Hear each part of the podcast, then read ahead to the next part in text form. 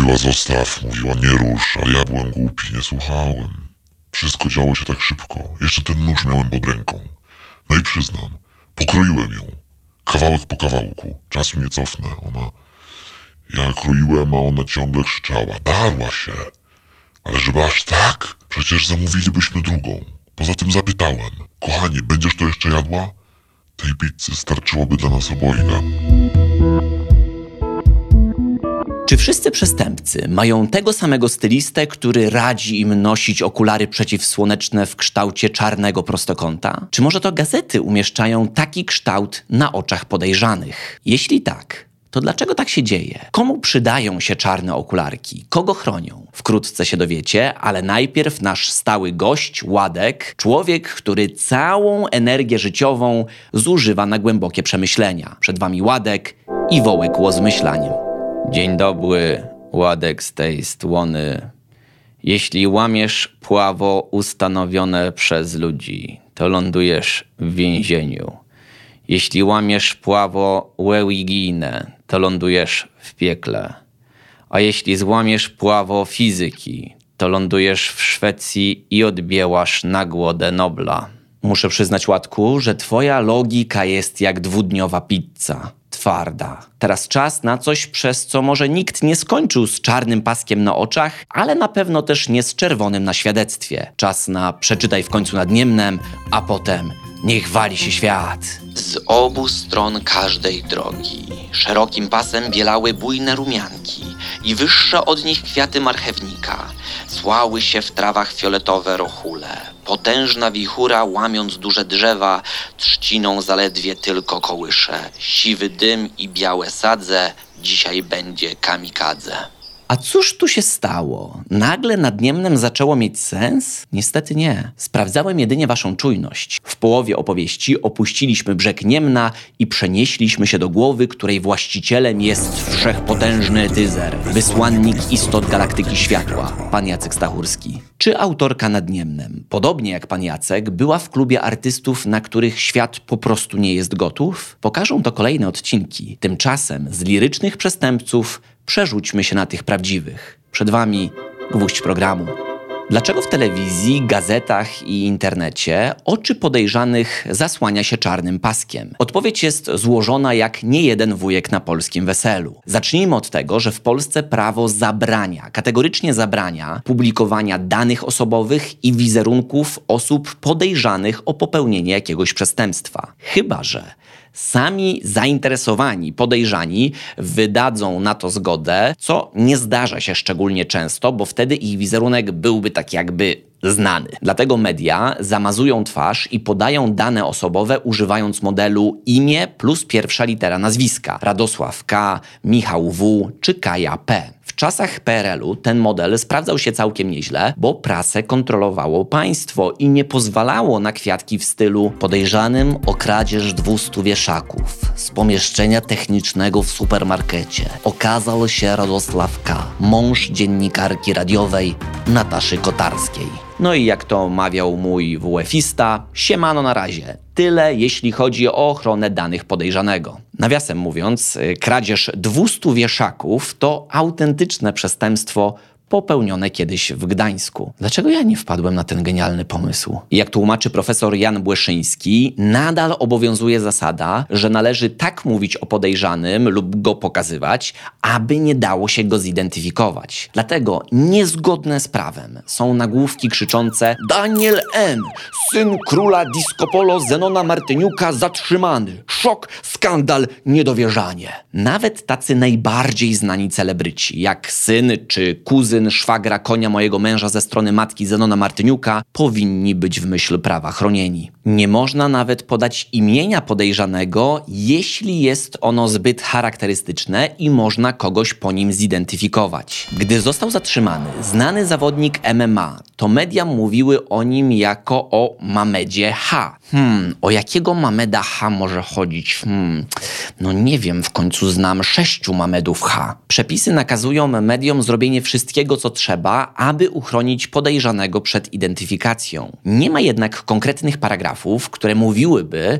że tyle czarnego paska na oczach to wystarczająco, a tyle to trochę za mało. Nikt nie powiedział nawet, że pasek powinien być czarny. Równie dobrze kolory pasków, które zasłaniają oczy, mogą zmieniać się razem z modą w każdym sezonie. Paski ze wzorem Moro mogłyby na przykład zasłaniać oczy podejrzanym o przestępstwo żołnierzom, a tęczowe moglibyśmy stosować na skazanych neonazistach jako dodatkowa forma kary. Profesor Jacek Sobczak twierdzi, że zabiegi mediów takie jak podawanie imienia i pierwszej litery nazwiska, czy zakrywanie oczu czarnym paskiem, czy w jakimkolwiek innym kolorze, to po prostu praktyka dziennikarska, która jest nieskuteczna. Dlaczego? Po pierwsze, wszystko zmienił internet, który stał się przepotężnym narzędziem. Gdyby Mojżesz miał dostęp do internetu, to mógłby wygooglować, jak wyjść z niewoli egipskiej i nie potrzebowałby do tego płonącego krzaka. Tak samo szybko da się sprawdzić, jak ma na nazwisko, jak wygląda, nawet gdzie spędzał wakacje, tak zwany polski Hannibal Lecter Kajetan P. Raporty z wyszukiwarek pokazują, że ludzie w czasie znanych spraw karnych chcą poznać nazwisko i twarz podejrzanego. Z taką wiedzą można potem wpisać w komentarzu, że podejrzany z twarzy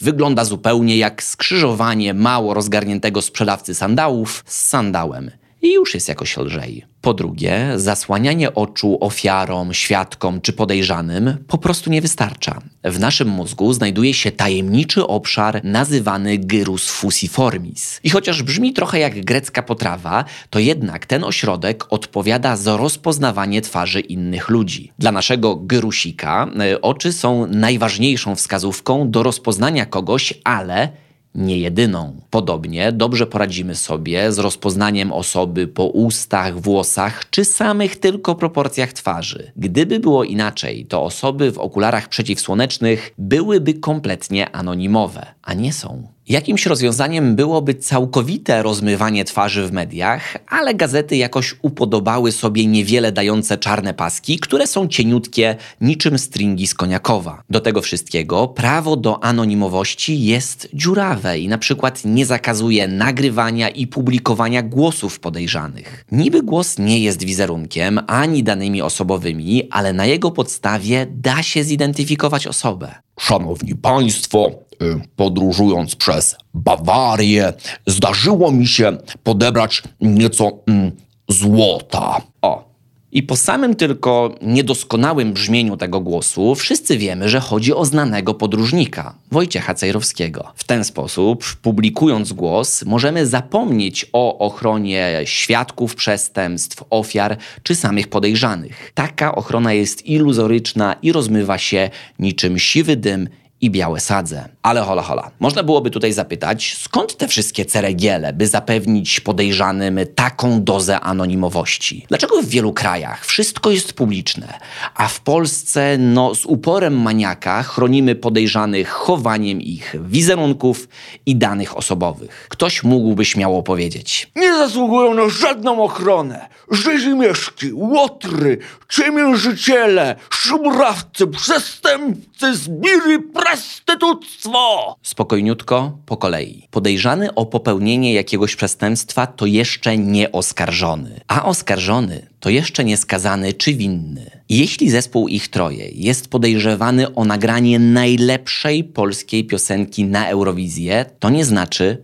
że rzeczywiście to zrobił. Dlatego anonimowość podejrzanych jest połączona z czymś, co prawo nazywa domniemaniem niewinności. Każdego uważa się za niewinnego zarzucanych mu czynów, dopóki jego wina nie zostanie udowodniona. Chowając dane osobowe i wizerunek podejrzanego przed światem, chronimy go na wypadek, gdyby nie okazał się winny. Winę musi udowodnić strona, która oskarża, bo inaczej codziennie spotykałyby nas przedziwne sytuacje. Wyobraźcie sobie, że jedziecie swoim własnym rowerem i zatrzymuje was elegancko ubrany dżentelmen.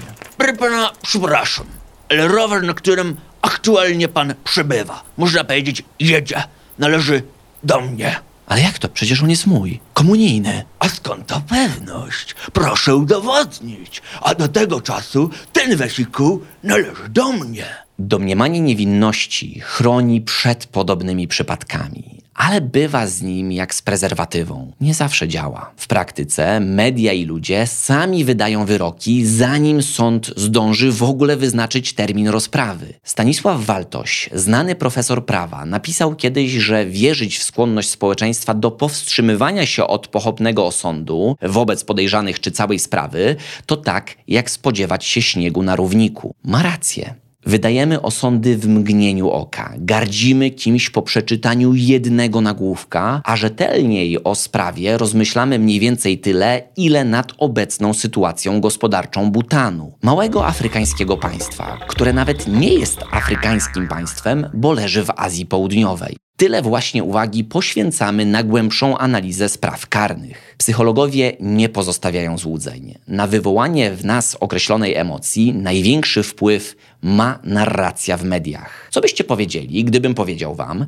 że znam człowieka, który co miesiąc okrada z głodowej renty matkę swojej żony i wydaje wszystko na alkohol. Potwór i złodziej. Gdybyśmy jednak nieco zmienili perspektywę i powiedziałbym, że to poczciwy Ferdek Kiepski i babka, to u wielu osób e, takie oburzenie zamieniłoby się w uczucie wesołości. No przecież to jest nasz Ferduś, kochany kumpel i sąsiad. Browar, babka, dawaj to! No, da, dawaj! Ha! W moim trupie, kanadio jedna. Za robotę byś się w końcu wziął, a nie biednych rencistów z rentą kradał. Sama narracja w mediach zmienia nasze osądy i wyroki, chociaż w jednym i w drugim przypadku mówimy o okradaniu babci z renty. Niekoniecznie sympatycznej sprawie. Media potrafią obwołać nożownikiem z maczetą zamiast ręki człowieka, który dwie ulice od morderstwa smarował kanapkę masłem. Dlatego chowa się dane i wizerunki podejrzanych, aby w teorii nie doszło do sądu medialnego i zniszczenia życia ludziom, którzy okazali się niesłusznie podejrzani. O jakiej skali mówimy? W 2007 roku tylko nieco ponad 30% podejrzanych zostało ostatecznie oskarżonych o popełnienie przestępstwa. Tylko o oskarżonych mówimy, a niekoniecznie jeszcze o skazaniu. Takie osoby mogłyby zostać również uniewinnione. Czyli niecałe 70% podejrzanych, którzy zostali oczyszczeni, mogłoby mieć przez upublicznienie ich danych kłopoty, czy to w życiu prywatnym, czy w zawodowym. Chociaż pewnie i tak mieli kłopoty, biorąc pod uwagę, że opinia publiczna od wieków od razu pragnie kary. Oko za oko, życie za życie, sucha krakowska za suchą krakowską. Najlepiej, by wyrok został wydany szybko i wsadzał oskarżonego do więzienia na długie lata. Na jak długie? Oddam was na moment w ręce zagadki wujka Radka. Proszę Państwa, jaki był najdłuższy wyrok od siatki w więzieniu? Zasądzony, proszę ja Was bardzo, w historii. Możliwości są takie. A. 42 924 lata. B. 82 100 lat. C. 141 078 lat. No jaki? Odpowiedź na końcu odcinka. Oprócz domniemania niewinności oraz ochrony przed sądem czy też linczem medialnym nawet, chowa się dane i wizerunki podejrzanych z co najmniej jeszcze jednego powodu. Prawo chce chronić rodzinę podejrzanego. Chodzi o to, aby ludzie o tym samym nazwisku nie mieli problemów. W teorii. W praktyce, zwłaszcza w mniejszych miejscowościach, taka ochrona jest równie skuteczna, co pas odchudzający z telezakupów. Rodzina niesłusznie skazanego Tomasza Komendy przez całe lata nie miała życia w rodzinnych Miłoszycach, które nie okazały się tak miłe, jak sugeruje nazwa tej wsi. Niewinnej rodzinie niewinnego Tomasza grożono, pluto pod nogi i wieszano na drzwiach zgniłe mięso. Brawo, sąsiedzi. Nawet jeśli jakiś podejrzany okazuje się winnym potworem, to najczęściej jego rodzina nie zasługuje na potępienie, a zwłaszcza na prześladowania.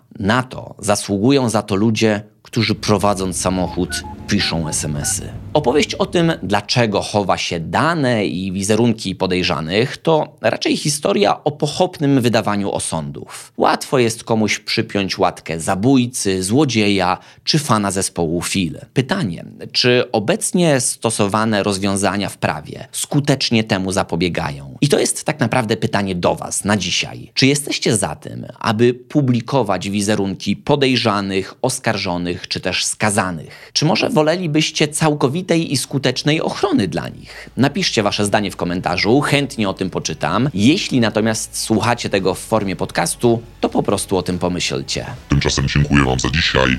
Do usłyszenia następnym razem.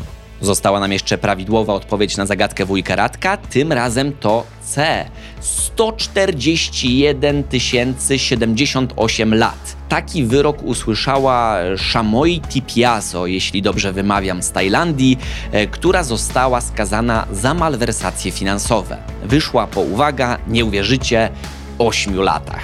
Zanim ty wyjdziesz z tego podcastu, subskrybuj Polimaty 2 w tej formie i skomentuj ten podcast, jeśli masz taką możliwość. Nieustająco chylę czoła. Dziękuję. Do usłyszenia następnym razem.